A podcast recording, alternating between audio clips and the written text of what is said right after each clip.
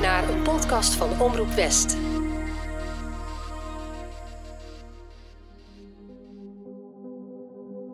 In Den Haag is het net achter de rug. In Gouda gaan ze ermee beginnen. In Delft zijn ze net klaar. En Leiden begint ook. De provincie doet het, het Koninklijk Huis doet het, banken, verzekeringsmaatschappijen. Op allerlei plekken wordt onderzoek gedaan naar het slavernijverleden. of we dat nou graag willen of juist helemaal niet, er zijn raadsmeerderheden, budgetten en onderzoekers die klaarstaan om de archieven in te gaan. Wat gaan die vinden? En welke invloed gaat de geschiedenis hebben op ons heden? Je luistert naar Wij Slaven van Holland, een podcastserie waarin we gaan kijken naar die onderzoeken en naar de historie die nu onder de loep ligt. Ik ben Richard Grootbot, podcastmaker bij Omroep West. Ik ben 57, dus ja, ik ben een man van middelbare leeftijd. Grijs haar, leesbril, hou dat beeld even vast. En ik wil de antwoorden op de vragen die ik net stel zelf vinden. Ik probeer zo neutraal mogelijk te zijn, maar ja, ik kan mezelf niet uitgummen. Dus ik zoek vanuit mijn eigen perspectief. Het perspectief van een witte man van zekere leeftijd. Maar dan wel een met een open vizier.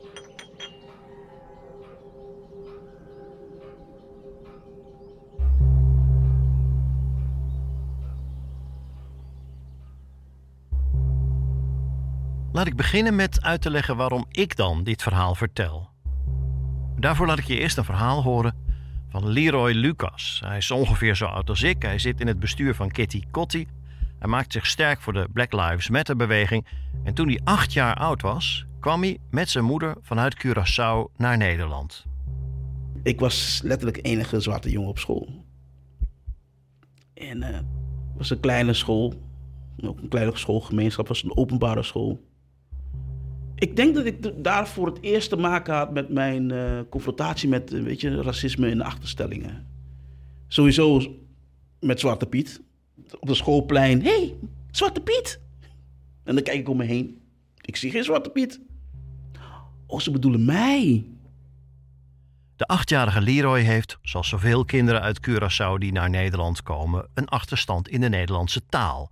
Veel bijles krijgt hij niet, maar in andere vakken gaat het juist heel goed. Hij blinkt uit. En op een dag zit hij met zijn moeder in de kamer van de decaan. Het gesprek gaat over de schoolkeuze na de basisschool. Dus daar zit mijn moeder. De hoofd van school zegt tegen mijn moeder: Ja, Leroy uh, gaat naar een uh, lomschool. Wat denk je dat mijn moeder gaat zeggen?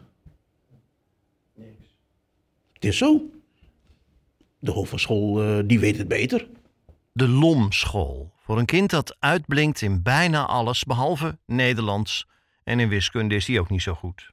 Een veel te laag schoolniveau dat totaal niet bij hem past. En ik begin het verhaal te herkennen.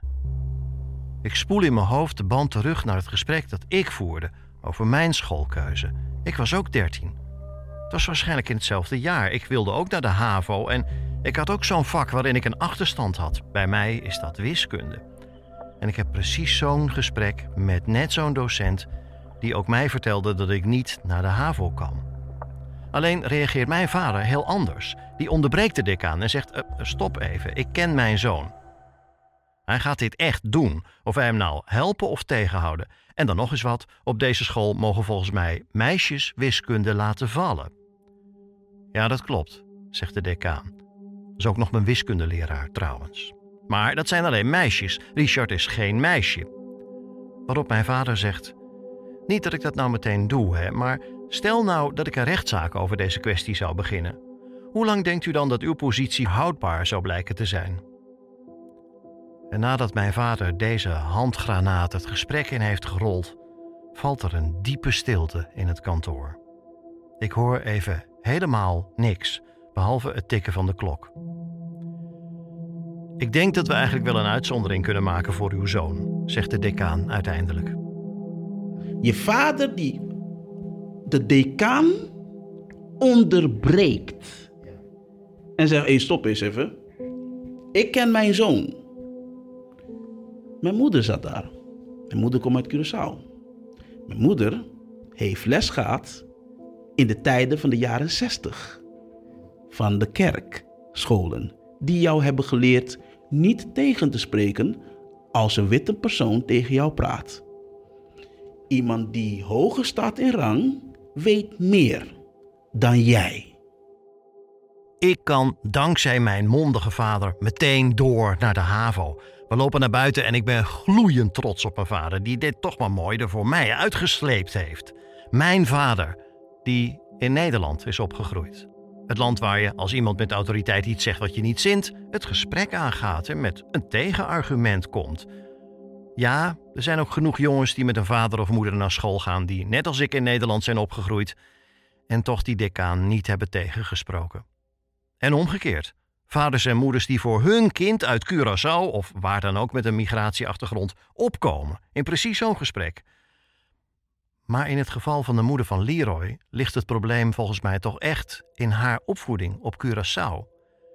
En cijfers laten zien dat meer dan de helft van alle leerlingen met een migratieachtergrond nog altijd een lager schooladvies krijgt dan gemiddeld. Lager dan de school waar ze, gezien hun talenten en prestaties, eigenlijk naartoe zouden kunnen. Dat gesprek met Leroy Lucas. Het is het moment waarop ik me afvraag of dit nu mijn white privilege is. En ik realiseer me dat, als het antwoord ja is, ik te weinig aan kan doen dat ik het heb. Het is het water waarin ik zwem, als wit jongetje van 13. Dus ja, ik probeer zo onafhankelijk mogelijk en zoveel mogelijk met open vizier te praten in deze serie. Maar ja, ik realiseer me ook wel dat ik de verhalen van anderen nodig zal hebben om erover na te kunnen denken, om me bewust te kunnen worden van mijn eigen positie in dit verhaal. En daarom overleg ik met mensen van kleur over deze serie en laat ik me ook door hen adviseren. Het blijft mijn reis, maar soms zitten zij achter het stuur. En die reis begint in Den Haag, bij dit moment. Ik, als burgemeester van Den Haag, stad van vrede en recht, bied namens het college mijn welgemeende excuses aan voor de wijze waarop voorgangers van ons het systeem van kolonialisme. Burgemeester Van Zanen van Den Haag, die zijn excuses aanbiedt voor wat het stadsbestuur van Den Haag in vroeger tijden deed tegenover mensen die als slaaf zijn verhandeld. Nou, wie het nieuws een beetje heeft gevolgd de afgelopen jaren, die heeft het gezien. Hè? Ook andere burgemeesters deden dat. Mede door de koloniale handel groeide Rotterdam uit tot de grootste haven van Nederland. Utrecht is een hele rijke stad, maar die rijkdom is voor een deel dus uh, via de slavernij uh, ontstaan. Voor de actieve betrokkenheid van het Amsterdamse stadsbestuur bij het commerciële systeem van koloniale slavernij. We sluiten onze ogen niet langer voor de betrokkenheid van onze voorgangers. Uh, omdat dat nou eenmaal ook onderdeel is van onze geschiedenis. Bied ik namens het college van burgemeester en wethouders excuses aan.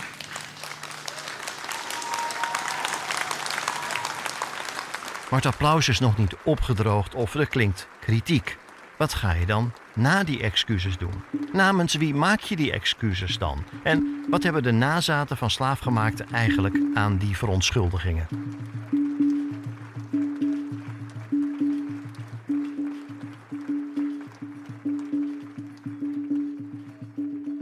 Racisme is nog altijd een vergiftigende kracht in onze samenleving, zegt de burgemeester van Den Haag bij het ontvangen van het onderzoeksrapport naar het koloniale en slavernijverleden van de stad. Ik loop in de Koninklijke Schouwburg in Den Haag rond die middag. En het is er fijn. Er is muziek, er zijn mensen met verhalen die de zaal heel stil maken. De excuses komen aan, dat is duidelijk, maar ik blijf toch achter met die ene vraag die ik niet kan beantwoorden die misschien met geen enkel rapport te beantwoorden is. Hoe ging dat destijds bij het begin van de Haagse betrokkenheid bij slavernij? Er moet toch een schip nummer 1 geweest zijn dat Afrikaanse gevangenen aan boord had met een Nederlander aan het roer. Hoe verliep dat dan? Wat deed Den Haag op dat moment? Bij het begin. Ik lees biografieën en ik zoek in archieven. En ik heb beet. Pieter van der Hagen heet de man die is verantwoordelijk voor een schip dat een Hollandse kapitein heeft gekaapt in 1596, dus voordat de VOC wordt opgericht. Het is midden in de 80-jarige oorlog en ik lees dat de jonge prins Maurits van Nassau door het land raast met zijn legers om Spaanse troepen tegen te houden. In de resolutieën van de Staten-Generaal zijn brieven te vinden en die gaan over de politieke crisis die op het Binnenhof ontstaat wanneer dat schip van Pieter van der Hagen het ruim opent en Afrikaanse gevangenen in Nederland naar buiten worden geleid. Zou je die crisis, die discussie over het begin van onze betrokkenheid bij de handel in mensen kunnen reconstrueren? Dat kan niet, is mijn eerste antwoord. Ik mis te veel informatie. Ik weet niet wie wat gezegd heeft op welk moment. Daarvoor zijn er simpelweg te weinig bronnen. Maar dan kom ik teksten tegen over een Afrikaans meisje dat achterbleef in Nederland. Als ik een Haagse romanschrijver was, zoals Ilja Leonard Vijver, dan zou ik haar misschien als hoofdpersoon nemen van een boek. Maar ik kan geen roman schrijven. Ik ben podcastmaker. Maar er is iets wat ik wel kan, als ik hulp krijg. Als ik acteurs bij elkaar krijg, figuranten, iemand die me wil helpen met schrijven, met opnemen, dan kunnen we een hoorspel maken over dat verhaal dat inmiddels al weken in mijn hoofd zit. Ik ga langs bij onze onvolprezen geluidstechnici, die me hoofdschuddend aankijken, maar me toch helpen. En dus kan ik, na vele opnamesessies en montage dagen aan je presenteren, deel 1 van het hoorspel dat we met vereende krachten maken. De setting is: het is oorlog met de Spanjaarden. En Hollandse kapiteins kunnen van Prins Maurits kapersbrieven krijgen. Daarmee kun je de zee op, dan kun je een Spaans schip enteren en overnemen en mee terugnemen naar Nederland, wat er ook in zit. En op een dag lukt dat, in 1596. Maar de lading is ditmaal geen koffie en ook geen specerijen. 1, Dit 2, is een verhaal 3, dat begint in godsnaam. bij het einde. Bij het zeemansgraf van mijn jongere broertje, als je het tenminste een graf wilt noemen. Ik mag er niet bij zijn. Waarom mag ik er niet bij zijn? Niemand mag erbij zijn.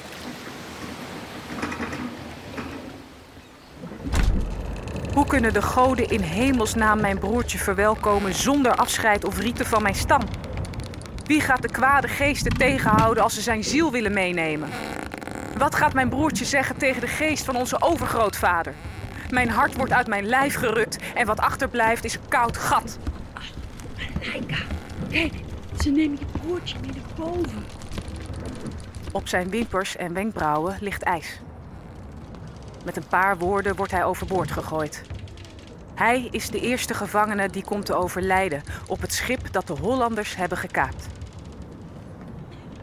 Het is kerstmis 1596 en een schip is onderweg naar Holland. Aan boord zitten wij, 100 gevangenen. Het schip is gekaapt door Hollanders. Hun land zit midden in een oorlog tegen Spanje. Een oorlog die al tientallen jaren duurt en waarschijnlijk nog tientallen jaren zal voortduren. De kapitein heeft toestemming van prins Maurits om schepen in de Spaanse zee te kapen. In de weken sinds de Hollanders het schip hebben overgenomen gaat de koers pal noordelijk. Dat voelen we terwijl we in ketenen onder het dek zitten. Het wordt steeds kouder. De lucht prikt in mijn ogen en het water bijt in mijn huid. Het is een kou die ik nog nooit eerder heb meegemaakt. Mijn adem is een wolkje dat ik kan zien in het halfduister en de opgerolde touwen zijn steeds kouder en kouder geworden totdat ze uiteindelijk helemaal wit zijn en zo hard als steen. Hier, op volle zee, weet nog niemand dat over ons leven beschikt zal worden. Ver weg in de Republiek der Nederlanden. In een weiland bij de stad Turnhout om precies te zijn. Door prins Maurits, de legeraanvoerder van de Hollandse troepen, die al maanden met de Spanjaarden in gevecht is.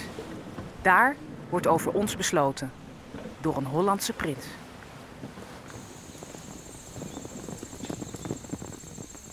Commandant, eh, er is een onbekende man die u wilt spreken. Hij heeft uw zegel bij zich. Stuur door, stuur door. Waar ben je mee bezig, man?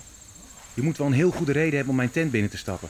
Je bent een spion, waar zit je verstand? Mijn excuses, hoogheid. Ik zie drukkende redenen om u meteen te verwittigen. Wat heb je voor nieuws? De Spanjaarden komen met nieuwe huursoldaten. Ik was bij een vergadering met de hertog van Alva. En hij vertelde van duizend nieuwe huurlingen... die volgende week in Turnhout kunnen zijn. Ze zijn de zuidelijke Maas al over. Dat is slecht nieuws. Wie gaat dat betalen? Het Spaanse hof is zo goed als bankroet. Ik hoor dat het geld allemaal komt van de verkoop van Afrikaanse gevangenenhoogheid. Spanje heeft een hele vloot die ze naar Brazilië brengt. De Spanjaarden verkopen Afrikaanse gevangenen? Ja, hoogheid. Ik ga terug. Jij gaat terug?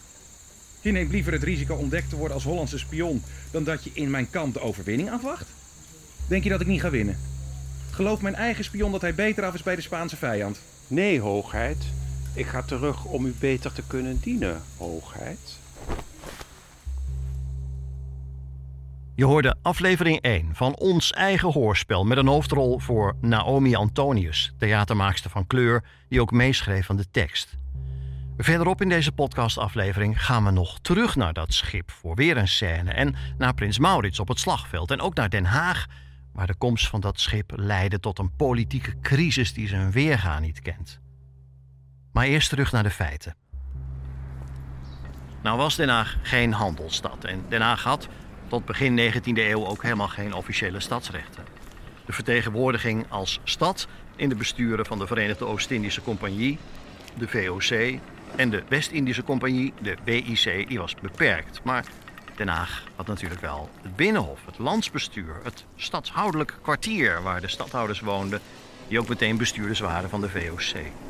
Als ik even doorloop, onder de Grenadierspoort, bij het torentje van de premier, kom ik meteen bij dit grote gebouw, het voormalig ministerie van Koloniën, waar op landelijk niveau alle besluiten over het koloniale beleid en daarmee ook slavernij en contractarbeid zijn genomen. Maar dat was niet de enige betrokkenheid die Den Haag had.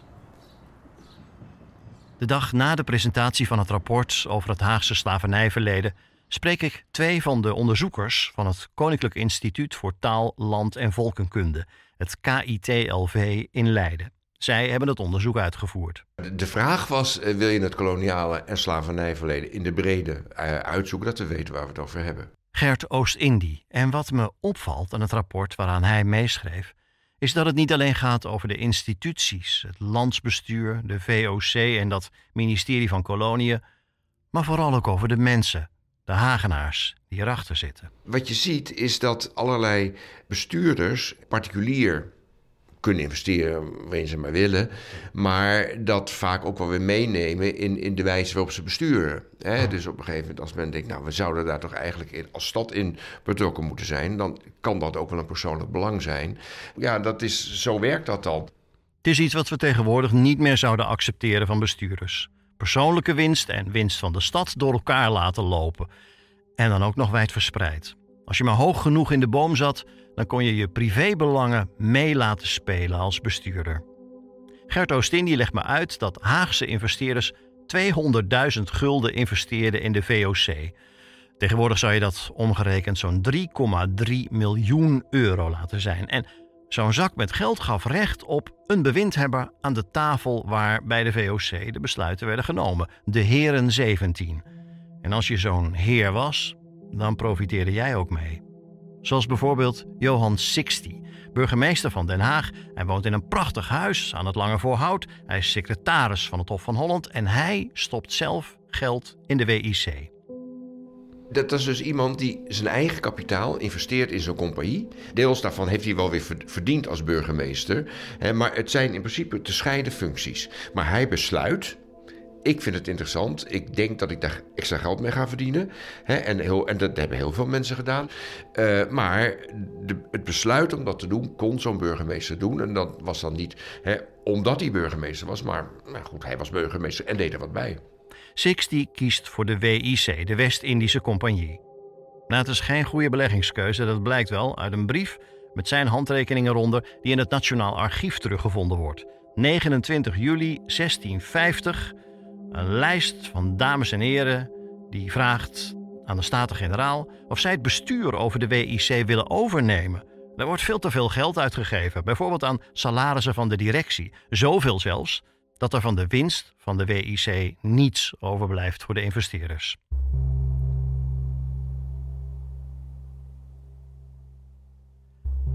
Hij is een van de personen die belicht wordt in dat onderzoek naar het slavernijverleden van Den Haag. In latere afleveringen van de serie kom ik nog uitgebreid op andere delen van dat onderzoek terug. Maar ik wil eerst nog meer weten van de mensen die op de voorpagina staan van het boek dat van dat onderzoek is gemaakt. Een grote witte man in een harnas, Jacob van Wassenaar, en zijn vrouw Jacoba. En naast Jacob staat een klein, donker jongetje. Hij heeft een metalen band om zijn hals en hij maakt een oranje sjerp vast om het middel van Jacob. Die kijkt hem niet aan. Wie is dat jongetje? Alles wijst erop dat het een slaafgemaakte dienaar was van deze hooggeplaatste dame in Den Haag. En deze heer. Maar de onderzoekers konden zijn naam niet vinden. Simpelweg omdat hij nooit belangrijk genoeg werd gevonden om in brieven of archieven benoemd te worden. Over de meneer in het harnas is er juist heel veel te vinden. Hij is lid van de Staten-Generaal en in de close circle van de stadhouder. En hij heeft kapersbrieven. De, de Republiek der Verenigde Nederlanden ontstaat natuurlijk in een oorlog. Namelijk de oorlog, de onafhankelijkheidsoorlog tegen Spanje. Wat wij vroeger op school leerden, de 80-jarige oorlog. In die 80-jarige oorlog was alles zo'n beetje uh, uh, toegestaan als je maar de vijand sloeg. En dat was dus Spanje of Portugal, die, waren, die werkten samen. En nou, een van de dingen die in, in zulke oorlogen dan mochten... Hè, van als jij een, een, een schip van de tegenstander confiskeerde, hè, buitmaakte.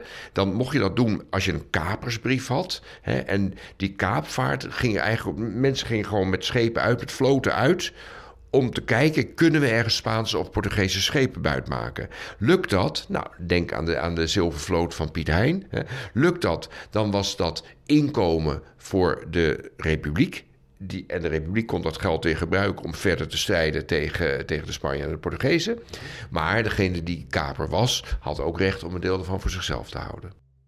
En daarmee wordt het verhaal van Malaika uit ons hoorspel ineens heel tastbaar. Het donkere meisje dat een halve eeuw voordat Johan van Wassenaar zijn portret laat schilderen, gevangen zit in het ruim van een Portugees schip. Slavenschip nummer 1. Althans, dat wordt het voor Nederland. Ik neem je weer mee naar de tijd voordat de VOC er zelfs maar was, voor deel 2 van het hoorspel over Malaika. 1596. Midden in de winter en midden in wat Nederland later de 80-jarige oorlog tegen Spanje noemt, bereiken wij de allereerste Afrikaanse gevangenen Holland. De Hollanders hebben het schip in de Spaanse zee met grof geweld gekaapt. Met ons erbij.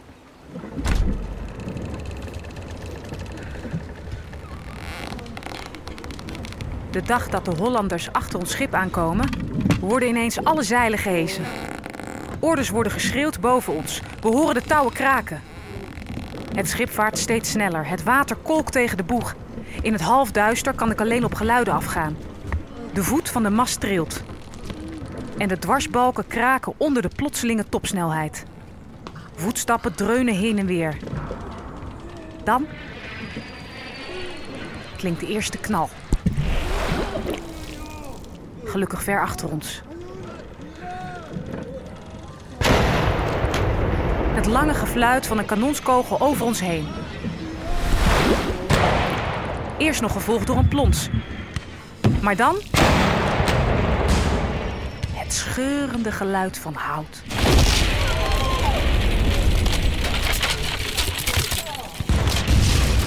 Ik hoor de knallen steeds dichterbij komen.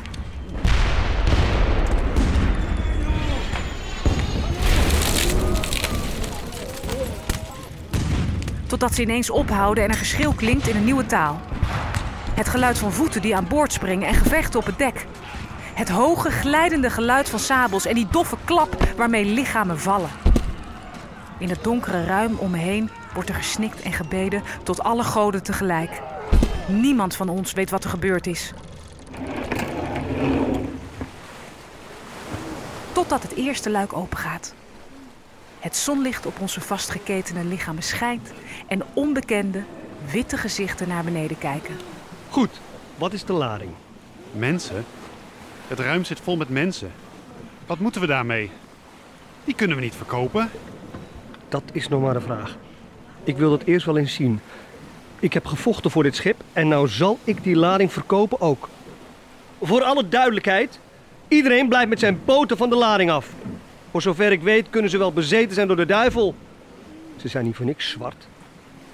Dicht dat luik! Goed, schrijf op. Heer Johan van Oldenbarneveld, met de meeste hoogachting bericht ik u dat onze staatse legers in overmacht van 10 tegen 1... Commandant, het was 20 tegen 1. In een half uur tijd. Ik weet het, jongen, ik weet het. Maar ik denk dat ze dit in Den Haag al bijna niet gaan geloven. Nou, schrijf op. De Spanjaarden bij Turnhout hebben verslagen. De verliezen aan Spaanse zijde belopen 2000 man. Ja. De verliezen aan onze zijde slechts 10 man. 10 man. Ja, onderstreep dat even. 10. Spaanse verdiensten over zee door handel in specerijen en gevangenen. Specerijen en gevangenen. Dienen vanuit een militaire prioriteit. Militaire prioriteit, ja.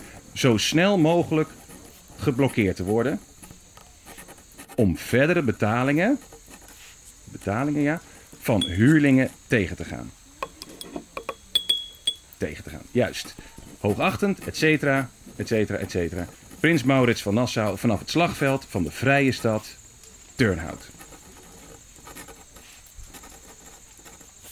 Nou, even mijn zegel erop. Hier, pak een koets met een escorte. Ik wil niet dat je door een verdwaalde pijl neergeschoten wordt. Gaan. Ik wil dat je voor het avondlicht op het binnenhof bent.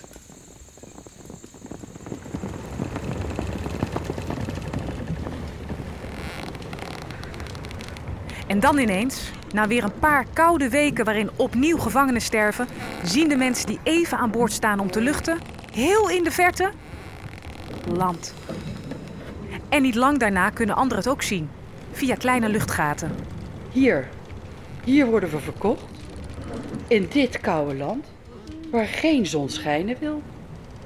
Het sneeuwt op de dag dat we het land van de Hollanders binnenvaren.